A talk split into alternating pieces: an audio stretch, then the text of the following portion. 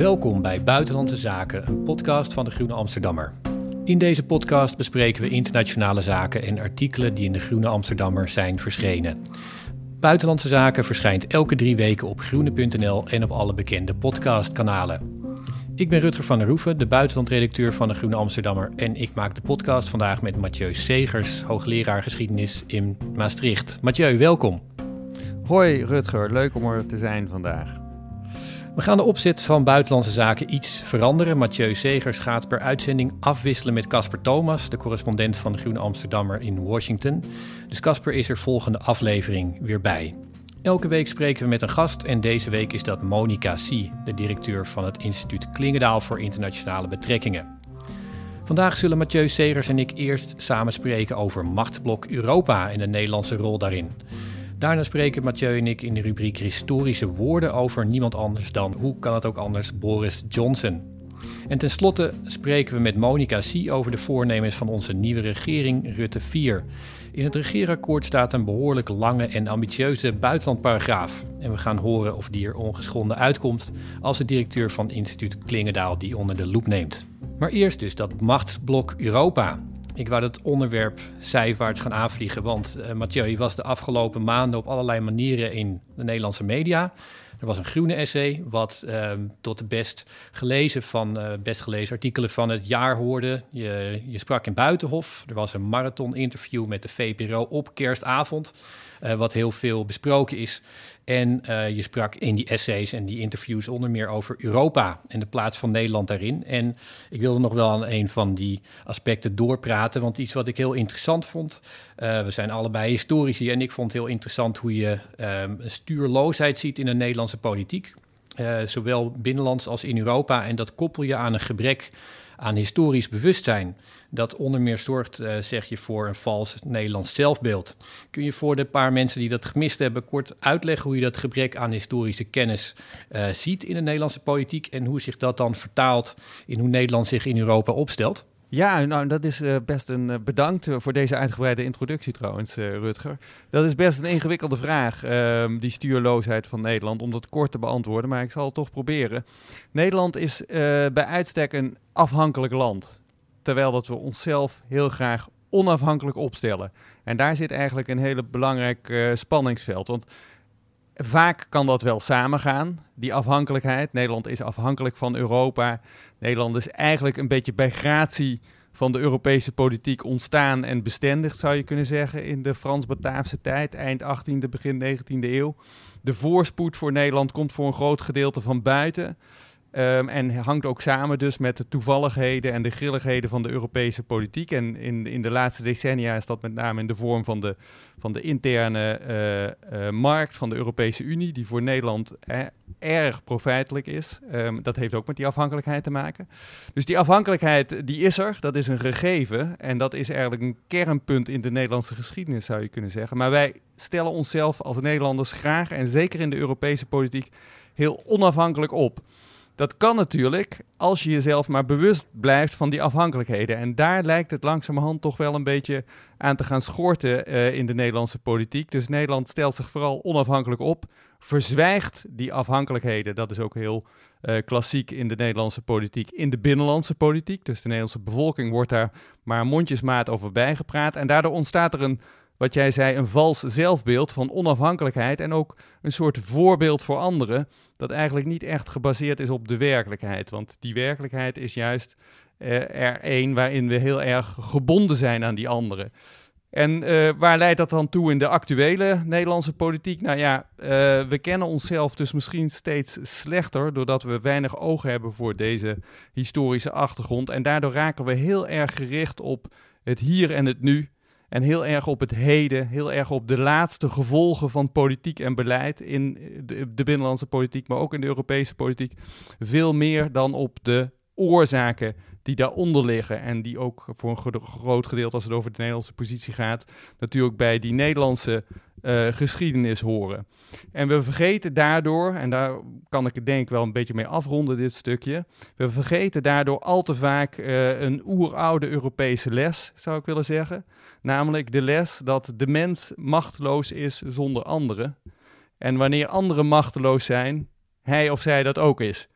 en die sociale conditie die heel erg past bij de Europese samenlevingen, maar ook bij de Europese politiek, die is Nederland uit het oog verloren. En daardoor verliest het ook eigenlijk het zicht voor een gedeelte op de eigen belangen. En krijg je een heel hardvochtige opstelling vaak de laatste jaren in de, in de Europese politiek van Nederland. Maar we zien het ook voor een gedeelte terug in de binnenlandse politiek. En daar gaat dat essay waar je het over had gedeeltelijk over. Ja, want je hebt het nu over, zeg maar, je, je, je, maakt een analyse, maar je komt aan het einde, kom je dan erop aan, aan het pijnpunt in Europa. Nederland heeft zich de afgelopen jaren enorm ja, pedant opgesteld eigenlijk. Jij noemde het ook hard. Je hebt het dan uh, onder meer, uh, neem ik aan, over hoe Nederland uh, Zuid-Europa de les las over het ehm, structuurfonds, terwijl daar corona ehm, toesloeg. En ja, die, die zeg maar tegelijkertijd die harde, maar ook, ook arrogante en pedante opstelling daarvan dacht Nederland dat het ehm, een aantal landen leidde die eigenlijk hetzelfde dachten. Nederland dacht toch ook vaak dat ze ja, eigenlijk zeiden wat Duitsland wel dacht, maar niet durfde te zeggen.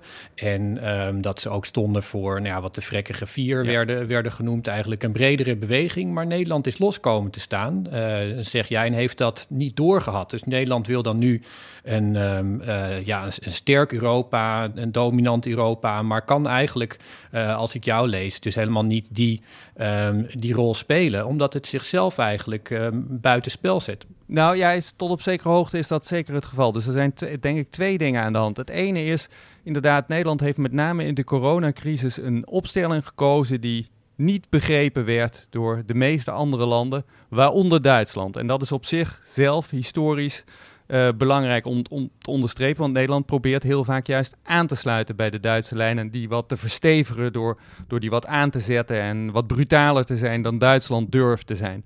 In, de, in dit geval had Nederland Duitsland totaal verkeerd ingeschat. Duitsland wilde helemaal niet een herhaling van de eurocrisis in de onderhandelingen over het corona-herstelfonds. En dus landen aanspreken op hun huishoudbeleid. Omdat het hier ging niet om individuele verantwoordelijkheden van landen, maar om een pandemie die over grenzen heen gaat en die landen trof.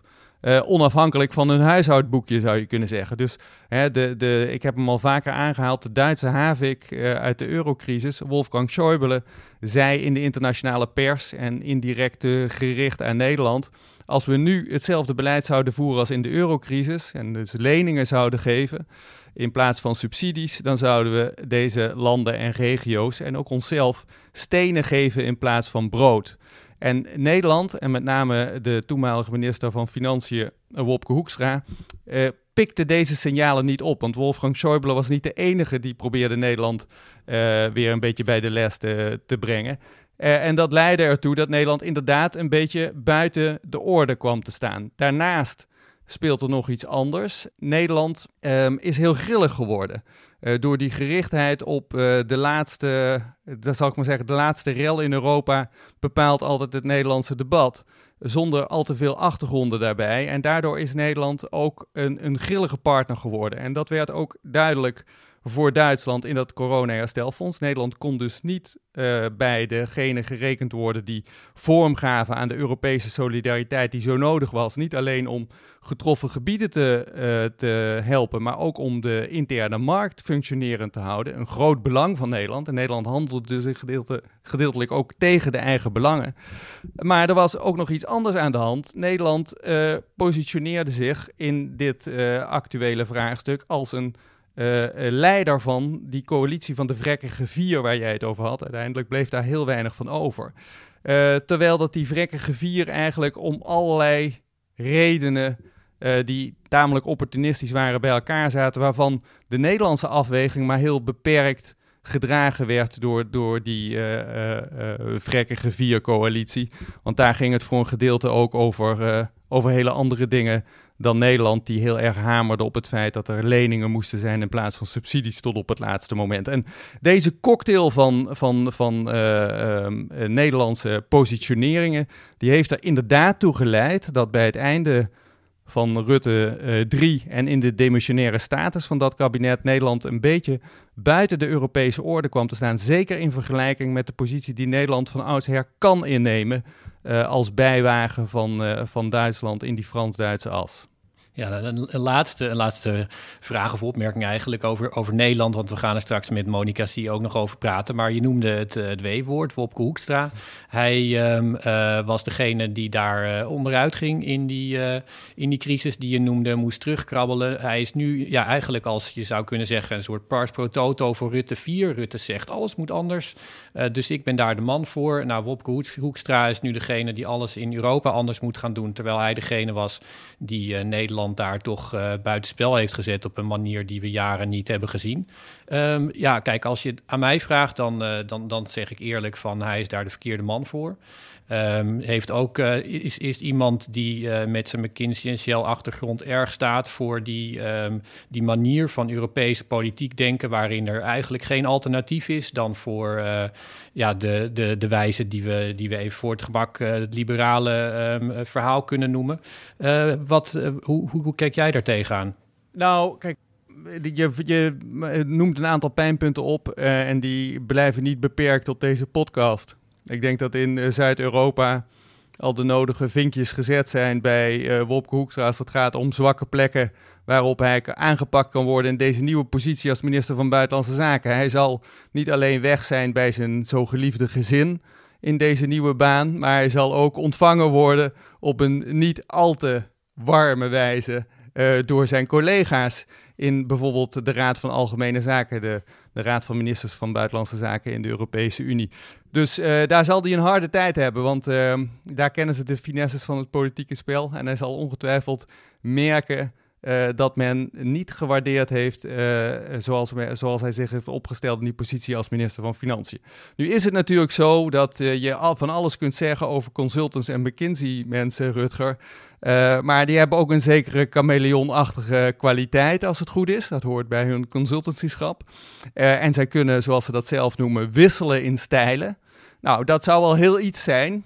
Uh, als dat zou gebeuren. Dat zou uh, absoluut, uh, denk ik, een verbetering zijn ten opzichte van de vorige stijl. Als er een wisseling plaatsvindt. In welke richting van het constructivisme dat gepredikt wordt door deze nieuwe regering dan ook. En dan is er nog een laatste punt wat wel belangrijk is. Wopke Hoekstra is niet meer de minister van Financiën, maar de minister van Buitenlandse Zaken. En op dat ministerie van Financiën waait nu toch wel echt een andere wind met Sigrid Kaag.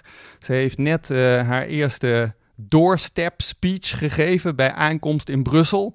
Uh, en daarin heeft ze, geloof ik, vier of vijf keer het woord constructief genoemd. En ik denk dat Wopke Hoekstra dat in zijn hele ministerschap van Financiën uh, vrijwel niet genoemd heeft. Dus uh, hij zal daar ook moeten werken met die nieuwe omstandigheden in het Nederlandse kabinet, die voor een groot gedeelte nu uitgezet worden door, uh, door Sigrid Kaag, zeker in de, in de Europese politiek. Ja, nee, hij heeft nog een groot voordeel trouwens, wat je niet noemde. Hij was, uh, toen hij in Leiden, in Leiden studeerde, toen was hij niet alleen voorzitter van Minerva, maar hij studeerde ook geschiedenis. Dus um, hij heeft alle, alle basis heeft hij daar om, um, om, om die lessen goed uh, uh, toch nog tot zich te nemen. Precies, wie weet, hij is nog jong. Ja, maar goed, laten we naar dat andere aspect gaan waar jij het over wilde hebben. Je noemde eerder uh, strategische autonomie. Um, daar praat Europa al een hele tijd over. Er zijn uh, sommige Europese leiders die, dat, uh, die zich daar ook erg uh, sterk voor maken. En straks is het misschien gewoon zover. Dan, is er, dan breidt Rusland zijn, zijn invasie van, van Oekraïne uit. laten, we, laten we erop wijzen dat die al um, zeven jaar aan de gang is. Ja. Maar goed, die wordt dan groter. En Biden maakt duidelijk dat Europa dat maar even zelf moet doen. Want hij heeft een groot probleem met zijn democratie in eigen land. Dus Nederland, Europa staat dan... Um, op eigen benen en uh, is strategisch autonoom? Of um, uh, hoe moeten we dat zien? Ja, nou, hier zijn twee, twee dingen die een beetje door elkaar lopen, maar die wel met elkaar te maken hebben. Dus die strategische autonomie die is heel erg uh, bedacht vanuit de competenties die de Europese Unie zelf heeft. Dat wil zeggen met name de Europese Commissie. En is dus heel erg geënt op de interne markt. En een van de conclusies en een van de redenen waarom die strategische autonomie zo'n hoge vlucht heeft genomen de laatste twee jaar in Brussel, is dat de pandemie duidelijk heeft gemaakt, corona heeft duidelijk gemaakt, dat Europa en de, uh, die Europese interne markt wel heel erg afhankelijk is van externe aanvoerlijnen, productielijnen vanuit China en andere gedeeltes van de wereld, uh, die eigenlijk um, voor een gedeelte geproblematiseerd zijn door de coronacrisis, maar die ook uh, hebben aangetoond dat dat Europa heel kwetsbaar kan maken als die misbruikt worden. Zo is er op dit moment bijvoorbeeld een chiptekort. En um, dat zijn directe aanleiding waardoor de Europese Commissie gezegd heeft: we moeten die interne markt misschien wat meer voor ons zelf gaan houden en die productielijnen korter gaan maken. En daardoor worden we ook onafhankelijker van krachten van buiten Europa die steeds onbetrouwbaarder worden. We hebben in de VS natuurlijk Trump gehad. Die heeft uh, een heel aantal deals met uh, het Europa van de interne markt zwaar onder druk gezet. Maar we hebben daarnaast China en Rusland. Je noemde ze al. De Russen. dat zijn partijen waar je in het geopolitieke krachtenveld van tegenwoordig niet al te afhankelijk van wil zijn. Dus die hebben, dat heeft allemaal extra voeding gegeven aan dat concept van strategische autonomie. Dus we moeten onafhankelijk worden. We moeten zaken weer meer in eigen hand gaan nemen. Dat is eigenlijk de korte samenvatting van dat agendapunt. En dat hangt heel erg samen met de geopolitieke dreiging en krijgt nu nog weer extra urgentie door de situatie rond Rusland en Oekraïne. Want je hebt helemaal gelijk, Rutger. Daar gaan de omstandigheden Europa dwingen in een rol waarin Europa tegen heug en meug een geopolitieke positie in moet gaan nemen. En het is nu al één grote warboel in Brussel en in de NAVO over hoe dat nou moet. Moet dat via de lijn van de diplomatie? Moet dat via de lijn van het terugbluffen? Uh, kan het überhaupt, als er gebluft wordt, kan Europa dan iets waarmaken zonder de NAVO? Nou, op dit moment heel erg weinig. Uh, dus daar speelt een veel groter vraagstuk naast die strategische autonomie, namelijk de geopolitieke volwassenwording van Europa. Is dat een reëel scenario voor de nabije toekomst of niet? En daar spelen weer andere dossiers bij, zoals bijvoorbeeld de Europese Defensie-Unie. Ja, ik, ik, uh, ik, er zijn allemaal dingen waar ik, uh, waar ik allemaal gedachten bij krijg. Ik, wat, wat inderdaad, wat heel interessant is, wat je, wat je zegt, is dat, je, dat het gaat over, die, over de geopolitieke uh, ambities. Over het, ik denk dat het heel sterk gaat over het, het definiëren van een Europees belang. Nou, daarvoor moeten heel veel partijen meedenken. Precies. En dan ook op, naar, een, naar zo'n definitie komen waarnaar gehandeld moet worden. En ik dacht, het is misschien wel even aardig om, um, om, om even de, de zaken in context te plaatsen in verhouding tot Rusland. Want Nederland zet uh, erg in op, um, op defensie. Je ziet dat ook in, in, het, uh, in het regeerakkoord. We, we, zien de dreiging uit Rusland, er moet defensie bij. Er wordt vaak in Europa gepraat alsof er een, alsof er een kwestie van, van geld is naar defensie. Nou, ik heb gekeken, in de wereld wordt twee, werd vorig jaar 2 biljoen dollar uitgegeven aan defensie. De VS nam daar 780 miljard van voor zijn rekening. Rusland 62 miljard. Uh, dat was evenveel als het Verenigd Koninkrijk. Die zat daar een paar uh, miljard achter met 60. Duitsland 53, Italië um, 29, uh, Turkije en Spanje um, 17, Polen, Nederland 13. Als je bij elkaar optelt, zit je zo op 300 miljard tegenover die 60 miljard van Rusland.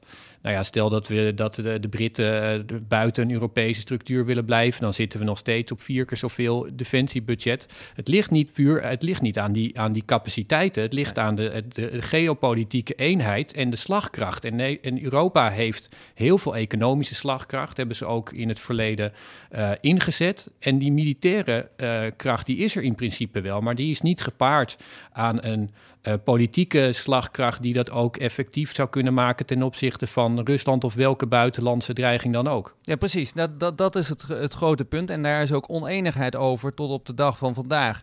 Um, nu is het zo dat er twee grote initiatieven eigenlijk spelen die dit op, op relatief korte termijn, maar dan toch nog steeds een Europees perspectief, dus ik denk dat het dan toch wel over een paar jaartjes zal gaan, uh, beter zouden kunnen maken. Het eerste is dat um, uh, de commissievoorzitter Ursula von der Leyen in haar State of the Union in september, de, kick-off van het politieke jaar in Brussel, een grootse aankondiging heeft gedaan voor het herlanceren van het idee van een Europese defensie-unie. Eigenlijk uit de jaren 50 komt dat oorspronkelijk, toen is het mislukt.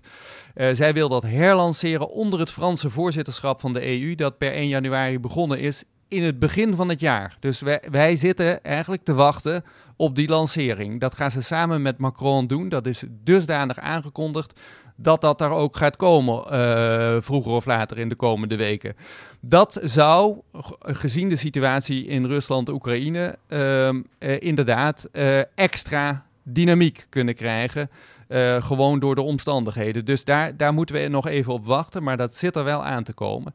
Uh, en misschien zijn daar dan nu onder druk van de omstandigheden wel echte stappen nodig om concreter en slagvaardiger samen te werken, zodat je minder oneenigheid en verwarring hebt bij iedere confrontatie die je op het geopolitieke bord meemaakt. Zoals het tot op heden gaat in Europa, is toch nog steeds een beetje zoals uh, Lady Ashton, die ooit uh, coördinator van het buitenlands beleid van de EU was, het samenvatten. Die zei, ja, er is nog altijd die vraag van Henry Kissinger, de minister van Buitenlandse Zaken van de Verenigde Staten, die ooit zei, ja, als ik Europa nodig heb, welk telefoonnummer moet ik dan gebruiken? Wie moet ik dan bellen? En het antwoord van Lady Ashton in een uh, toespraak in de VS waar ik bij was, was toen: Nou, als Henry Kissinger nu zou bellen, en dat was een paar jaar geleden, dan zou hij een antwoordapparaat krijgen in Brussel. En uh, het antwoordapparaat zou als volgt uh, gaan. Um, uh, welkom bij de hoge vertegenwoordiging voor het buitenlands beleid van de Europese Unie. Voor de Franse positie kiezen één. Voor de Duitse positie kiezen twee enzovoort. En uh, dat is nog steeds de situatie. En daar zou zo'n defensie-unie misschien nieuwe tractie in kunnen brengen. Om dat toch eindelijk eens achter ons te laten. Ook omdat deze commissievoorzitter heeft gezegd: hè, dit is een geopolitieke commissie. Uh, en zij heeft dus ook echt haar, haar uh, um, geloofwaardigheid geïnvesteerd daarin. Een tweede ding, heel kort. Wat op de agenda staat, is toch een soort van snelle verdragswijziging om te komen tot een manier van meerderheidsbesluitvorming als het gaat over buitenlands beleid. Nu is dat nog een kwestie van unanimiteit. Dat betekent dat alle lidstaten het eens moeten zijn met een eh, besluit op het gebied van buitenlands beleid namens de Europese Unie. Als dat meerderheidsbesluitvorming kan worden, kun je natuurlijk een stuk slagvaardiger reageren op zo'n uitdaging als uh, die zich nu voordoet uh, aan de, aan de Russisch-Oekraïnse grens.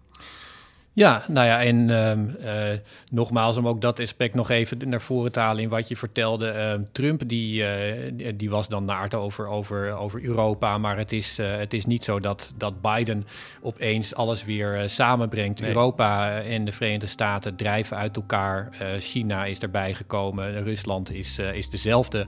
Het probleem, of in ieder geval een, een land waar Europa zich toe moet verhouden. Dus die, ja, de, het probleem ligt bij het maken van die geopolitieke politieke um, uh, besluiten ja. en de wil om dat, uh, om dat te doen. Nou ja, wij, uh, wij gaan dat, um, we gaan dat ongetwijfeld nauwgezet volgen, Rutger. Dat gaan we zeker doen. Goed, dankjewel.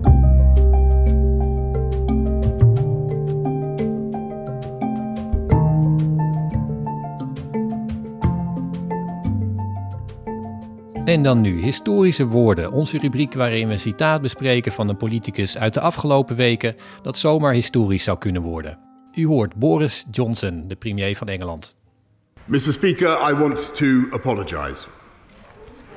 I know that millions of people across this country have made extraordinary sacrifices over the last 18 months, and I know the rage they feel with me and with the government I lead when they think that in Downing Street itself the rules are not being properly followed by the people who make the rules.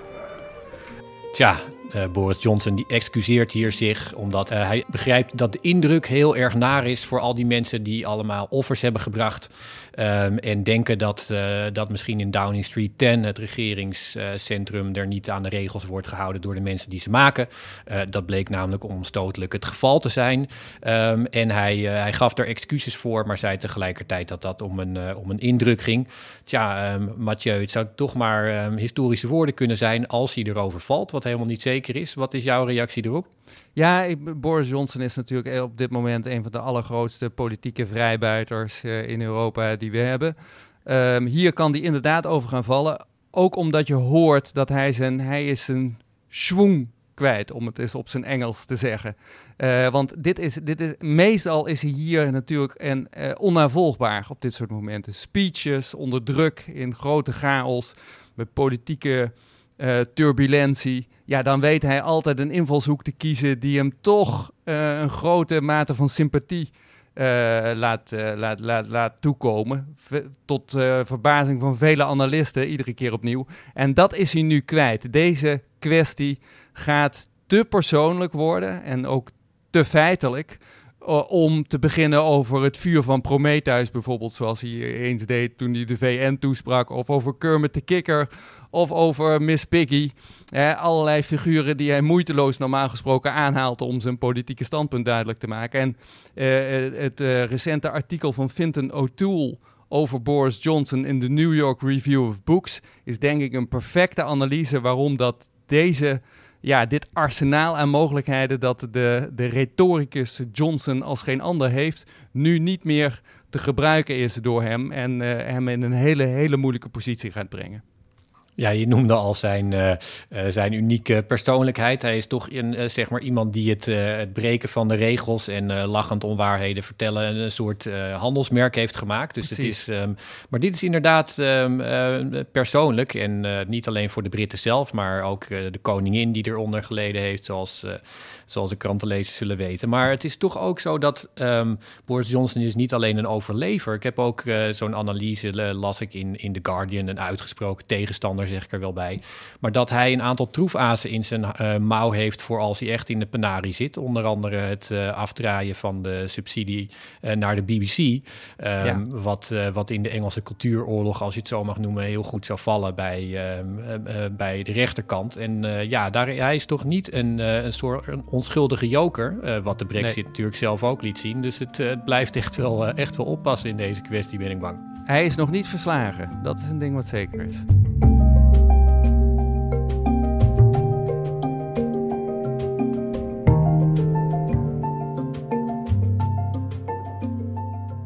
En dan nu het buitenlandbeleid van Nederland.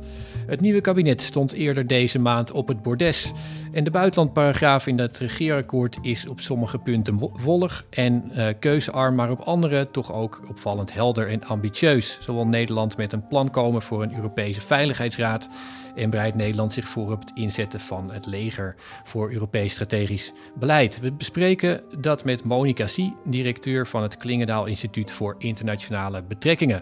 Uh, nou, Monica, jij. Uh, werkt volgens mij bij uh, de plek waar je het beste kunt zitten als er een corona-pandemie is. In dat uh, prachtige park, maar je zit nu thuis, klopt dat? Ja, dat klopt. En we hebben uithuizige onderzoekers die, die veel reizen en kinderen hebben. Dus inmiddels is het toch vrees ik een of de tien besmet. Ja, het Omicron-virus heeft ook zelfs ons Klingendaal Instituut te pakken. Nou ja, jij hebt ehm, natuurlijk het het regeerakkoord gelezen, uh, gekeken naar de, de presentatie van de, uh, van de nieuwe ministers. Er is nieuw elan beloofd. Um, zie jij dat ook terug in het internationale deel van dat uh, coalitieakkoord en wat je tot nu toe ministers hebt horen zeggen? Nou, je ziet in ieder geval op drie punten, vind ik. Ten eerste een heel activistische, positieve, vrij algemene toon. En dus anders dan de veel reactiever, defensieve de toon van het vorige regeerakkoord, waar vooral de rode lijnen werden gemarkeerd, uh, wil men iets met internationale samenwerking met dit uh, kabinet. En uh, ja, de wens wordt uitgesproken om een voortrekkersrol te spelen. Hè, in plaats van degene die de rode lijnen bewaakt, die de rule of law backsliders, Polen, Hongarije terechtwijst, die het speelzieke Italië de les leest. Hè. Dat is echt een heel andere toonsoort waarin het staat.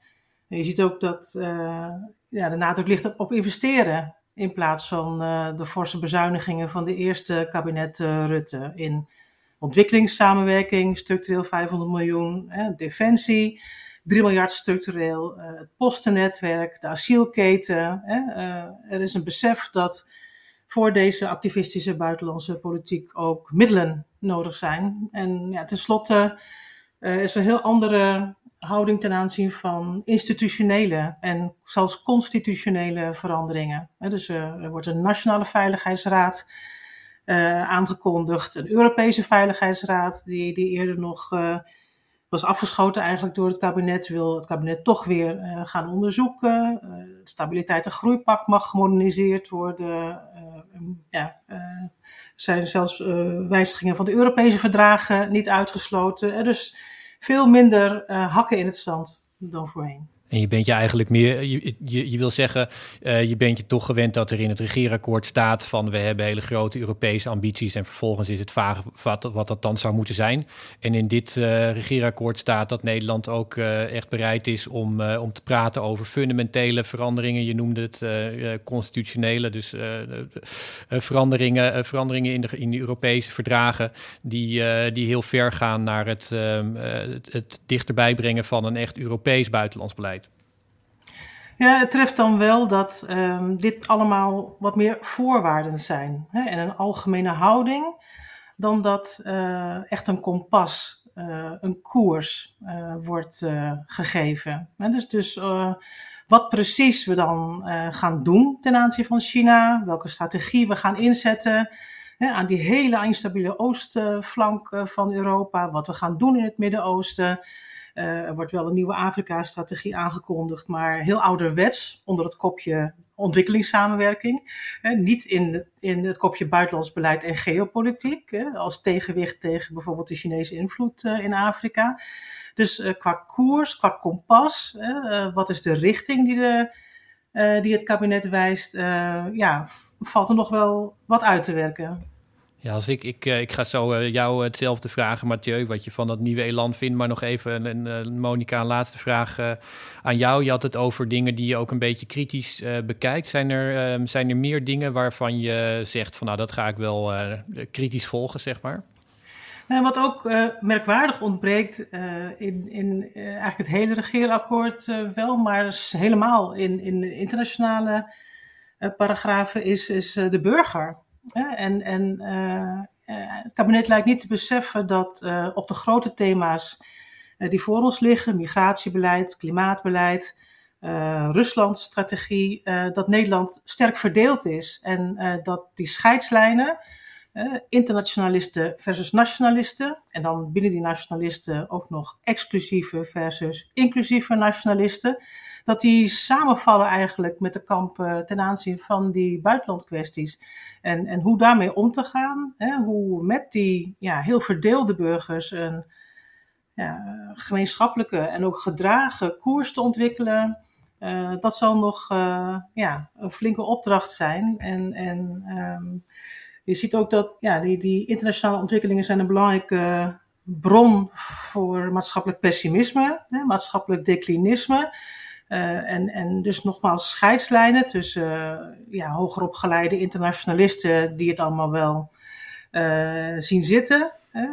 en en meer praktisch opgeleide mensen die meer nationaal georiënteerd zijn, die grote zorgen hebben. En ja, als niet een, echt een aparte inspanning wordt gepleegd om, om burgers te betrekken bij de ontwikkeling van die koers, dan dreigt dit een splijter, hè, een verdere aanjager van polarisatie te worden in de Nederlandse samenleving. Hoe, uh, dat is toch een uh, behoorlijk fundamenteel punt. Um, als jij die buitenlandparagraaf in het regeerakkoord leest, um, zie jij diezelfde, diezelfde spanning terug? Heb jij het idee dat de Nederlandse regering geen, uh, geen keuze maakt en, en zich onvoldoende, zeg maar, die, die spanning die ook in de samenleving over in de internationale oriëntatie heerst, dat die te weinig wordt vertaald in een, in een soort ja, um, overstijgend perspectief, wat, wat dan naar het buitenland uh, hoe, hoe dat uh, erin zou moeten komen te zitten in ons buitenlands beleid? Nou, ik denk dat dat punt wat uh, Monica's laatste maakt is heel erg relevant. Hè? De burger. De burger is afwezig en voor alle buitenlandse politiek geldt natuurlijk, buitenlandse politiek is binnenlandse politiek. Je moet in het binnenland je draagvlak ophalen voor je buitenlandse politiek. En ik denk dat Monica dat al tamelijk uh, compleet heeft samengevat. Wat je ziet in dit regeerakkoord is dat dit nog uitgevochten moet worden in de binnenlandse politiek. Dus daar staat, ja, wij willen van alles, ja, we, we allokeren wat geld. Maar de echte besluiten staan er niet in. En ook de richting staat er niet in. Wel iets van dat het constructiever is en, en ambitieuzer dan het was. Uh, maar niet precies uh, hoe. Hoe dan? Hè? Hashtag hoe dan is tegenwoordig heel populair in allerlei contexten. Dat zou je hier ook heel goed uh, kunnen toevoegen. En dat is natuurlijk wel gevaarlijk, want dat betekent dat die buitenlandse politiek dus echt een gevechtonderwerp wordt in het kabinet potentieel. Zeker als er electorale dingen gaan meespelen. En Monica gaf dat al aan. Want dit gaat over scheidslijnen tussen mensen die pro-globalisering zijn of daar juist tegen zijn. Die nationalistisch, een meer nationalistische koers staan voorstaan of juist een soort doorontwikkeling van de liberale democratie. En die, die, die, uh, die spanningsvelden die zijn natuurlijk aan de orde van de dag en die zijn heel makkelijk te exploiteren aan de flanken van de Tweede Kamer. En die zullen dus ook op die manier in het kabinet landen. En dan is het niet duidelijk op dit regeren, uit dit regeerakkoord wat de regering gaat doen. En er geldt nog een laatste punt bij, denk ik, wat belangrijk is. Buitenlands beleid is niet alleen binnenlandse politiek. Het staat of valt ook, het succes ervan, met consistentie. En daar heeft de Nederlandse regering ook een enorme opdracht, zeker de premier en de nieuwe minister van Buitenlandse Zaken, om te breken met hun image. En breken met een image, dat doe je niet zomaar, want dat komt natuurlijk ook met kosten. Dus ik ben heel benieuwd hoe dat gevecht in het kabinet, wat uh, dat, gaat, dat gaat het worden als het gaat over buitenlands beleid, hoe dat uiteindelijk gaat uitkristalliseren en of dan de woorden die nu in het regeerakkoord staan ook zullen leiden tot daden in die krappe drie jaar die ze nog hebben. Ja, geen woorden, maar, uh, maar daden. Uh, Monika, wat zie jij als de. je hebt het over dit regeerakkoord gehad in, ver, in verhouding tot, tot anderen. Wat zie jij als de meest opmerkelijke verandering in, in vergelijking tot, tot het vorige of de voorgaande buitenlandambities van Nederlandse regeringen? Wat ik meest kenmerkend vind voor dit regeerakkoord is echt de wending naar geopolitiek. En dat is voor Nederland hè, traditioneel toch vooral uh, een land dat erg gesteld was op recht en uh, op, op de markt, is dat uh, een hele strategisch, een strategisch keerpunt eigenlijk. dat zie je, wat we al eerder bespraken, in veel meer ja, ontplooiing van een arsenaal aan machtsmiddelen in defensie uh, voor structurele uh, investeringen. Ook het besef dat uh, Europa een sterke economische macht heeft. Hè, in te zetten met sancties, met koolstofheffingen aan de grens.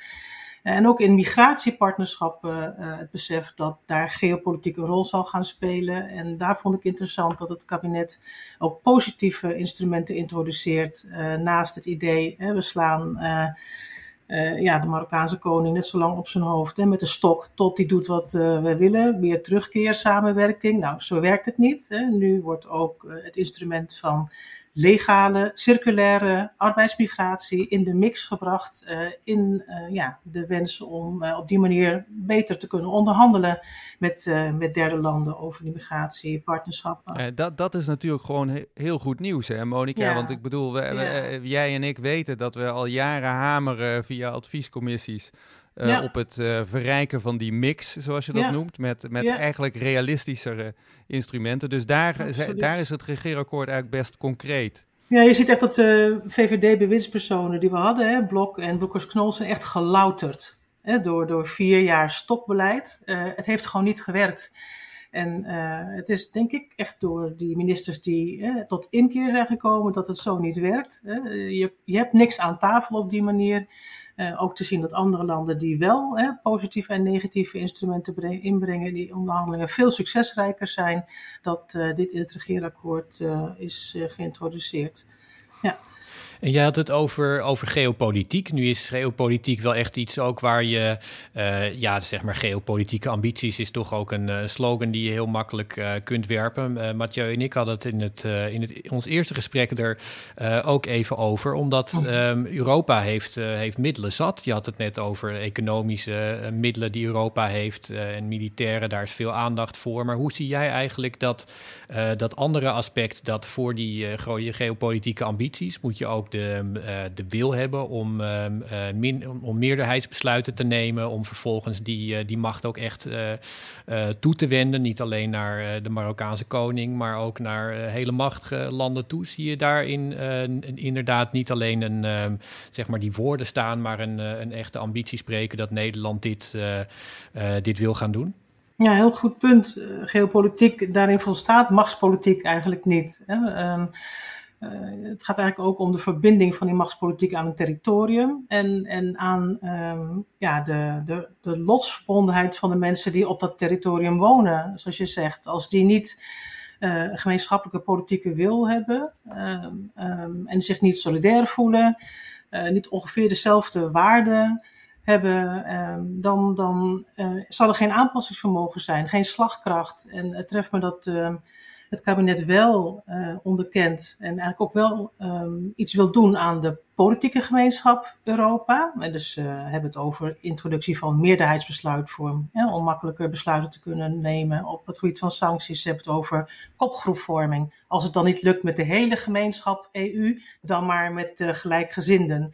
En, maar eigenlijk is dat de makkelijke weg, hè, want als je echt als blok als groot blok uh, een speler wil worden in de, in de geopolitiek, dan zul je ook moeten investeren in de economische gemeenschap uh, Europa. En dat betekent dat je iets moet doen aan de grote ongelijkheid uh, tussen landen en binnen landen. Hè, die, die zogenaamde opwaartse economische convergentie die maar niet wil optreden. Je zal iets moeten doen aan de sociale gemeenschap die ja, nog helemaal geen gegeven is. Hè. wordt, worden die noodfondsen die we nu in het leven hebben geroepen, worden die permanent of niet? Hè? Daar geeft het kabinet helemaal geen richting op. Hoe solidair zijn we binnen de Unie? En ja, die culturele botsingen die we zien, bijvoorbeeld tussen Oost en West over migratiepolitiek, eh, gaan we nou wel of niet hè, de Polen en Hongaren ermee weg laten komen dat zij geen moslims als vluchtelingen willen beschermen? Hè? Wat wordt daar de uitweg? En eigenlijk de enige uitweg uh, uit het gebrek aan economische, sociale en culturele gemeenschap die de regering wijst, is meer politieke gemeenschap. Maar um, je, over, ja, je spant eigenlijk de, de te zwaar. Als je telkens dissensus met meerderheidsbesluitvorming wil beslechten, dan worden die besluiten niet uitgevoerd.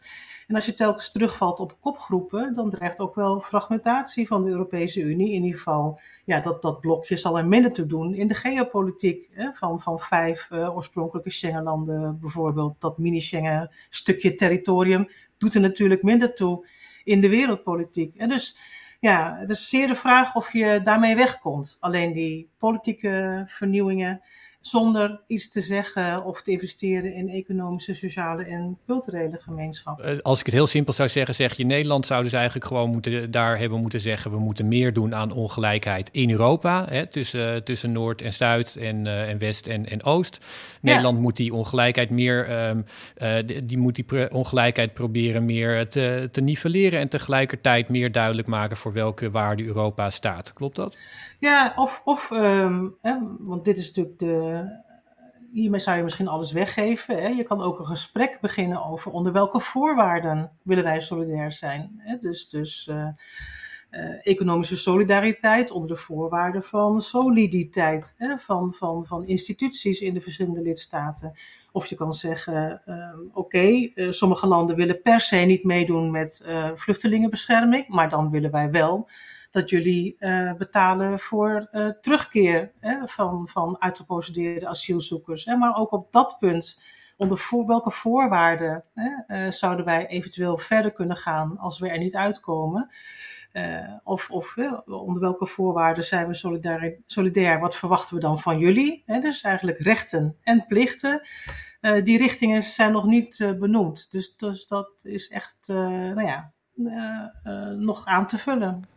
Ja, Mathieu, hoe, um, hoe heb jij eigenlijk dat, uh, die buitenlandparagraaf gelezen in het regeerakkoord? Was jij wel um, uh, daar wel positief over? Zie jij er uh, nieuw e elan in? Zie je er helderder keuzes in dan in vergelijking tot andere regeerakkoorden? Ja, in, in potentie wel. Maar ik denk dus wat om één punt eruit te pakken wat, wat Monica zegt. Het wordt wel heel cruciaal om te zien hoe de daadwerkelijke invulling eruit gaat zien. Eén punt, de Economische en Monetaire Unie. Dus Monica uh, onderstreept heel terecht, denk ik, het, als je geopolitiek een deuk in een pakje boter wil slaan als EU, gaat het ook om innerlijke kracht. dus je moet innerlijk niet alleen. Wij hebben te maken met democratieën. We zijn geen Rusland van Poetin of China van Xi. Dus wij moeten die, dat draagvlak organiseren. En als het ware die politieke wil is niet alleen een politieke wil van regeringsleiders of ministers. Nee, dat moet eigenlijk door samenlevingen geschaagd worden. Um, en daar zit bij de, de, Economische en Monetaire Unie gewoon een hele belangrijke opgave op die economische component. Die moet nu eigenlijk worden ingevuld. En je zou eigenlijk wel kunnen zeggen dat Sigrid Kaag hier aan de bal is uh, om uh, te proberen om daar een ander Nederlands geluid te laten horen, wat meteen kan leiden tot een katalysator-effect omdat Nederland nu een hele prominente remmer was op, uh, op uh, die E van de EMU. En bij de E van de EMU gaat het om grote dingen, zoals de herziening van het Stabiliteits- en Groeipact. Het gaat om die permanentie of tijdelijkheid van het herstelfonds. Uh, maar het gaat daar ook over de sociale paragraaf die erbij komt kijken als je die economische unie gaat invullen. En Um, daar wordt het wel heel spannend, denk ik. Of Kaag, en ze heeft, uh, ik zei het al eerder uh, in deze podcast, ze heeft vandaag haar doorstep speech uh, gegeven voor de eerste keer voor het Berlaymont gebouw in Brussel. En ja, daar, zij doet er echt alles aan, dat straalt ze daaruit, om dat nieuw elan nu te gaan voorzien van daden. Maar de vraag is natuurlijk één, trekt ze dat intern, dus krijgt ze dat ministerie mee, dat natuurlijk toch al lang op een andere koers zit, uh, zeg maar rustig twee decennia, hè, die ongeveer met zalm is ingezet. En twee is, uh, krijgt ze het vervolgens op een dusdanige manier in het Europese spel, dat ze het ook in de Nederlandse politiek verkocht krijgt. En dan heb ik het over de Tweede Kamer. Um, ze straalde wel uit dat ze dat wil gaan doen. En ik denk dat dat voor die innerlijke kracht van de Europese Unie, waar Monica net op, uh, op uh, hintte, heel belangrijk is als Nederland die draai gaat maken naar een constructievere positie uh, in die verdere invulling van de EMU. Want dan heb je ook een st vrij stevige basis om die politieke ambities uh, voor een gedeelte in Euro Europese context vorm te gaan geven. En uh, Monika, je, je, hoopt dat dat, uh, dat dat gebeurt. Wat zijn je verwachtingen er eigenlijk van? Ja, eigenlijk uh, zoals het nu uh, naast elkaar staat. Hè. Aan de ene kant, uh, je wil bijvoorbeeld economische sancties die ook extraterritoriale werking zouden kunnen hebben. Ja, maar dat kan eigenlijk niet zonder een sterkere internationale positie van de euro. Ja. Je, je wil um, onderhandelen met derde landen over migratie. Ja, uh, maar dat kan eigenlijk niet zonder dat je er onderling over uit bent of je wel of niet um, uh, moslims uh, tot je territorium wil toelaten. Hè? Dus, dus je zal, je ziet op, tal, op, eigenlijk op al die punten waar je extern slagkracht wil ontwikkelen en die aspiraties vermeldt het, het akkoord, dat er eigenlijk iets moet gebeuren wat er nog niet staat. En ja. precies zoals Mathieu zegt, dat is namelijk nog niet beslecht. En dus het wordt spannend um, ja, hoe die uh, meer nationaal georiënteerde krachten binnen het kabinet uh, en de, de, veel internationalistische krachten, hè, hoe die, die eruit gaan komen. En um, als je nou één ding zou mogen, uh, mogen noemen, dan gaan we een beetje naar, de, naar het einde van het gesprek toe. Als je nou één ding zou moeten noemen wat jij het belangrijkste punt van kritiek vindt op, op het coalitieakkoord, in ieder geval op de buitenlandparagraaf, wat zou dat dan zijn? Het betreft eigenlijk de onderkenning welk een uh, ja, strategische wending er wordt ingezet op alle fronten uh, uh, met dit akkoord. En het trof me dat, dat het kabinet Kok 1 in 1994 dat direct wel besefte. Dat was dus na de omwenteling van 1989.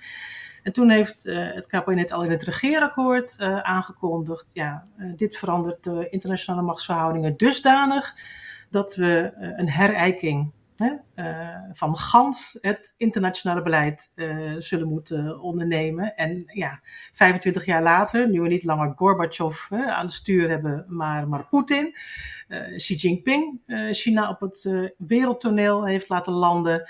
Uh, we praten over strategische kwetsbaarheid um, en internationalisering van alle sectoren feitelijk. is eigenlijk zo'n herijking wederom uh, nodig. En zoals ik al eerder zei, ook op een gedragen manier. In een publiek gesprek, uh, Kaag zegt altijd ik wil leiden.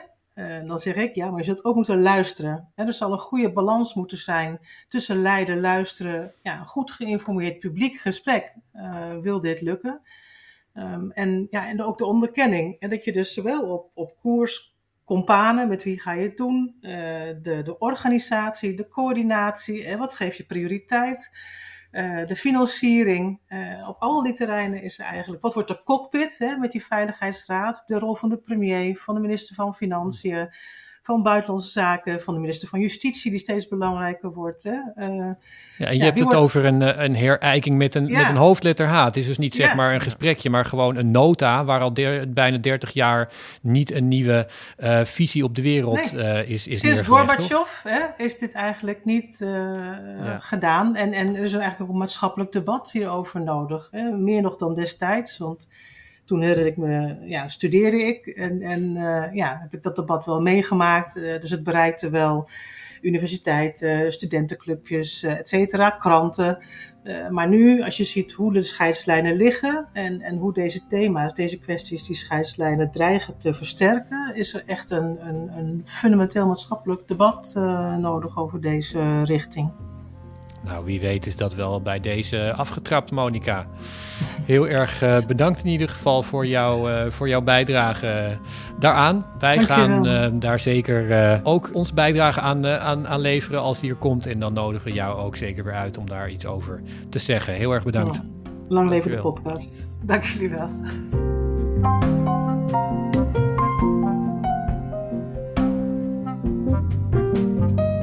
U luisterde naar Buitenlandse Zaken, een podcast van de Groene Amsterdammer. U hoorde Rutger van der Roeven vanuit Amsterdam, Mathieu Segers vanuit Maastricht en Monica Sie vanuit Den Haag. Deze podcast werd gemaakt door Giselle Mijnlief. Dank voor het luisteren. En als u meer wil lezen van ons of abonnee worden van de Groene Amsterdammer, ga dan naar www.groene.nl.